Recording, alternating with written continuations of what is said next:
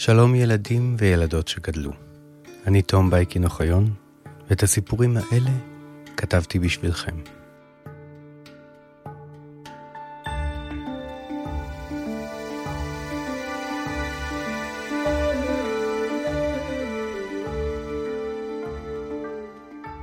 בחלק הקודם עזבנו את וולטר בדיוק כשחזר מאנגליה, הוא פרסם ספר חדש, ובו דיווח לארצו על כל החידושים הטובים והערכים היפים שראה שם.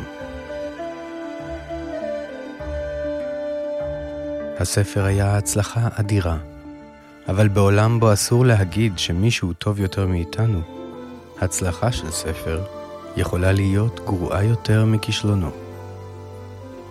לכן, ללא דיחוי, נחזור אל הסיפור שלנו, ששמו וולטר חוזר.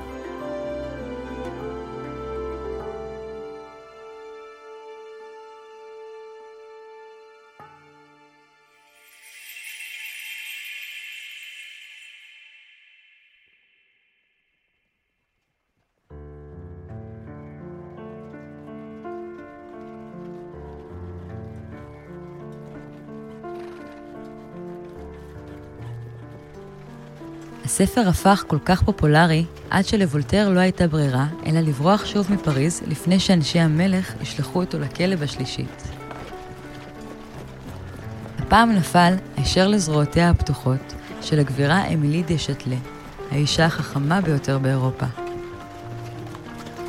היא אהבה ריקודים ואלגברה, יהלומים ופיזיקה, בגדים יפים וכימיה. ספריה הסבירו את המשוואות המסובכות של ניוטון בצורה כה בהירה, שכל מי שרצה להבין את המדע החדש נעזר בהם. כמו כל אירופה, גם היא עקבה אחרי פרסומיו של וולטר, וקראה בשקיקה את ספריו. כששמעה שהוא שוב נרדף, שמחה לפתוח בפניו את שערי אחוזתה. השניים התאהבו מיד, היא לימדה אותו מתמטיקה, והוא לימד אותה לחייך מן הלב. וכל ערב ישבו שניהם בחדר הקריאה, למדו ועבדו יחדיו. וולטר למד ממנה בעיקר את חשיבותה של רצינות בעבודה. הוא הבין שאם ברצונו לכתוב דברים גדולים באמת, לא די בהשראה או בשנינות, אלא יש לערוך מחקר מעמיק ולדקדק בדברים. בהנחייתה, וולטר כתב ספרים על פילוסופיה ועל מדע, ואף פרסם מחקרים בהיסטוריה, שהפכו אותו לגדול ההיסטוריונים של דורו. הוא אף זכה לתואר ההיסטוריון המלכותי, למורת רוחה של חצר המלוכה. אי אפשר להפות עוגה מתוקה בלי קמצוץ של מלח, ואי אפשר לחיות חיים מאושרים באמת מבלי לטעום את טעמו המר של האובדן. אחרי מספר שנים מאושרות יחדיו, אמילי דה שטלה הלכה לעולמה. וולטר מצא עצמו ללא בית, ללא מולדת, וללא חברתה הנפלאה של אהובתו. חיוכו המוכר לכל נעלם מפניו.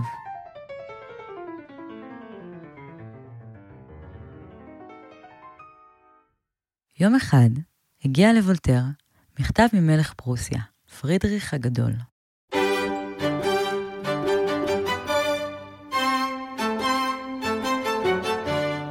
המלך שיבח את וולטר על ספריו הרבים, על תרומתו להפצת התבונה בעולם, ועל מלחמתו בחוסר הסובלנות בארץ, והזמין אותו לארמונו, להיות יועץ מלכותי.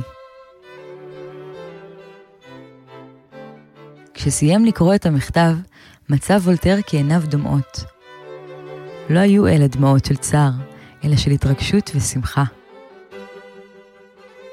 עתה אוכל להיות הפילוסוף האישי של המלך, אמר לעצמו, להדריך אותו בעניינים של מוסר ותבונה, ולסייע לו להצעיד את פרוסיה לעידן הנאורות. הוא ראה בעיני רוחו כיצד הוא מסייע להקים בתי ספר ולקדם שלום בין פרוסיה לשכניה. מה רבה הייתה אכזבתו, כשהגיע לארמונו המפואר של פרידריך הגדול, גילה שיועד לו תפקיד אחר לחלוטין. פרידריך רצה אותו בחצרו, לא כהוגה, אלא כליצן, הנקרא מדי פעם לשעשע את האורחים בשיחה או סיפור, וכן כמורה הפרטי של המלך לשירה, מטלה שהתגלתה כקשה במיוחד שקרא את שירתו העלובה של המלך. וולטר היה מאוכזב מאוד מהתפקיד שייעד לו המלך. אבל לאן ילך? בלית ברירה, הוא נשאר בחצר הארמון, כציפור שיר הכלואה בכלוב של זהב.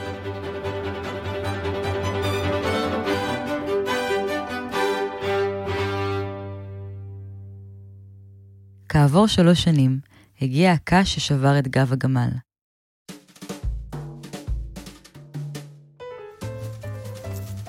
המלך, שנהג תמיד לדבר בשבחי השלום, החליט להכריז מלחמה. וולטר ניסה לשווא להסביר לו שאין כל סיבה לשלוח חיילים צעירים למותם. אך המלך הסביר לו שהיום מלחמה היא פשוט באופנה. וולטר לא היה מוכן לשמוע על כך. הוא לא ייתן יד למלחמות מיותרות.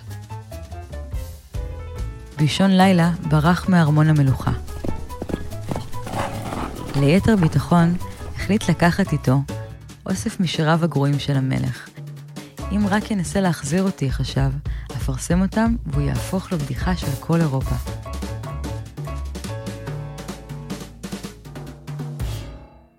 כשהמלך גילה שוולטר ברח וששיריו חסרים, שלח בעקבותיו חיילים חמושים, שהצליחו ללכוד אותו ליד הגבול ולשים אותו במאסר. רק בתום חמישה שבועות הסכים לשחרר את וולטר.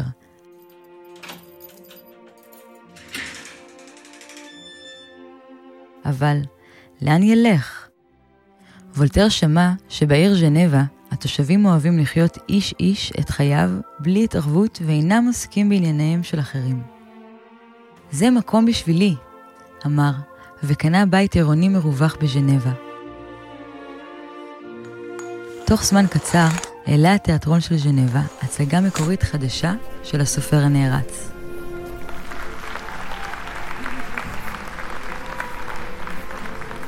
ברגע שפרחה השמועה שוולטר מעלה הצגה חדשה, דומה היה שכל יבשת אירופה רכשה כרטיסים להצגה.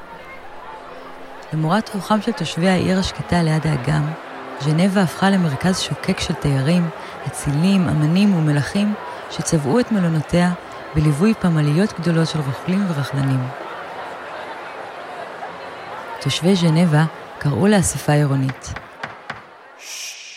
ותהו מה אפשר לעשות, הרי אי אפשר לגרש אדם רק בשל היותו מפורסם. בלית ברירה, החליטו להחזיר לתוקף חוק ישן מלפני למעלה ממאה שנה. חוק זה אסר לחלוטין להעלות הצגות תיאטרון על אדמת העיר. וולטר היה מתוסכל מאוד. בכל פעם שחשב שהנה מצא לעצמו מקום שבו יוכל לחיות ולכתוב בשלווה, הופיעה בעיה חדשה, שהכריחה אותו לעזוב. אבל הפעם לא יצטרך לבקש עזרה מאיש, שכן השנים שבהן השקיע את כספו בתעשייה ובמסחר, הפכו אותו לאחד האנשים העשירים ביותר באירופה. וולטר היה למעשה הסופר הראשון שהיה למיליונר. מלבד זאת, בגיל 65 לא היה לו כוח לנדודים. לכן, החליט לצאת למרחק קצר מז'נבה, לעיירה הקטנה פרנה. הוא בחר בעיירה זו משום שנצבה בדיוק על הגבול של בין צרפת לשוויץ. כך, אם תהיה בעיה עם אחת המדינות, יוכל לדלג אל מעבר לגבול, למקום מבטחים. בפרנה רכש את בית האחוזה הגדול ביותר, שאת אדמותיו הרבות הפך לגנים מפוארים, חורשות שקטות וקרי מרעה ירוקים.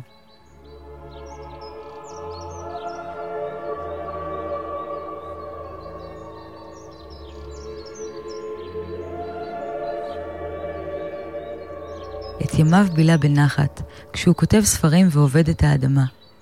ליקרים באחוזתו שילם שכר גבוה ביותר, ובמהרה יצא שמו כבעל האחוזה הנדיב ביותר באירופה.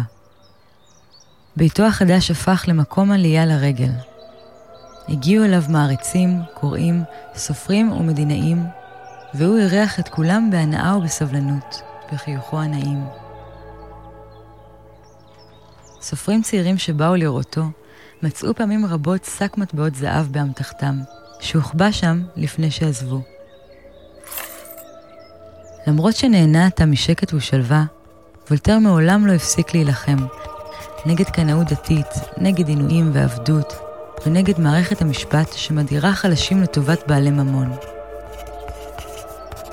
הוא כתב למלכים להימנע ממלחמה, וגינה ראשי ערים על רדיפות דתיות במחוזותיהם.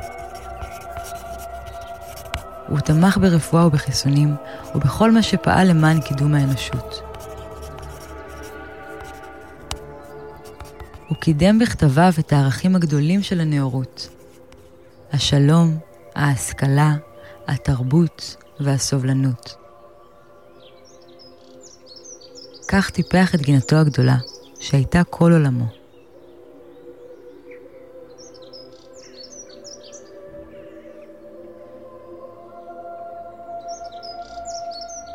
בתום עשרים שנים נפלאות של עשייה, וולטר בן ה-80 קיבל הזמנה מלכותית לשוב לפריז אהובתו, כאורח הכבוד בהפקת התיאטרון של מחזהו האחרון. הזמנה זו התאפשרה, היות שמלך צרפת, לואי ה-15, עזב את העולם ואיתו פג הצו שקרא למאסרו של וולטר.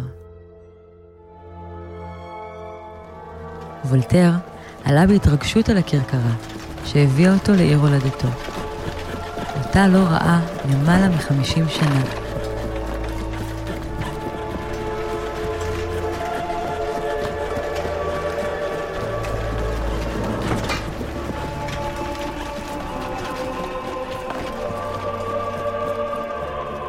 הוא אמנם הגיע ליעדו בשלום, אך לא הצליח לראות את ההצגה.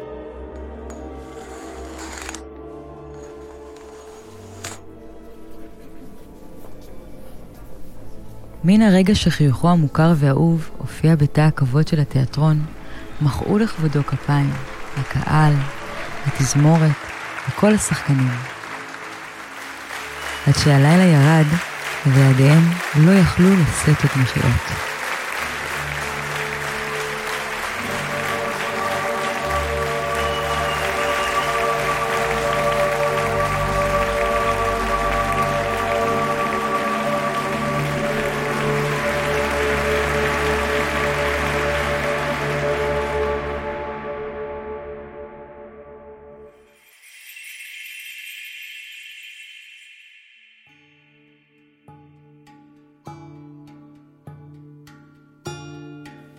וולטר היה להוגה החשוב והמפורסם ביותר בדורו. מהדורת כל כתביו מכילה מאה כרכים של הגות וספרות, ומאה נוספים של נאומים והתכתבות. מדהים עוד יותר מכך היה, שלמרות שהוא נדד ועבד כל חייו, הוא הצליח לעשות זאת עם חיוך. זאת משום שפעל תוך האזנה למצפונו ושמירה על ערכיו. לכולנו יש ערכים. אלו הם הערכים הקרובים ללבכם. כיצד אתם פועלים כדי לקדם אותם?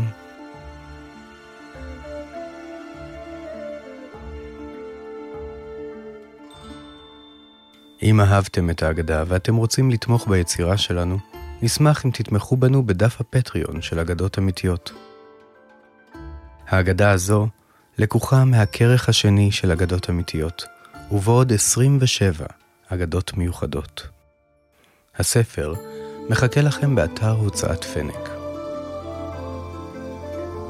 הפודקאסט נולד ונערך ברשת הפודקאסטים העצמאית שלג. את ההגדה הזו קראה עבורכם דניאל דינקה. אני תום בייקין אוחיון. ואם רק תסתכלו טוב טוב, תראו שכל אחד ואחת מכם הוא כבר גיבור של אגדה.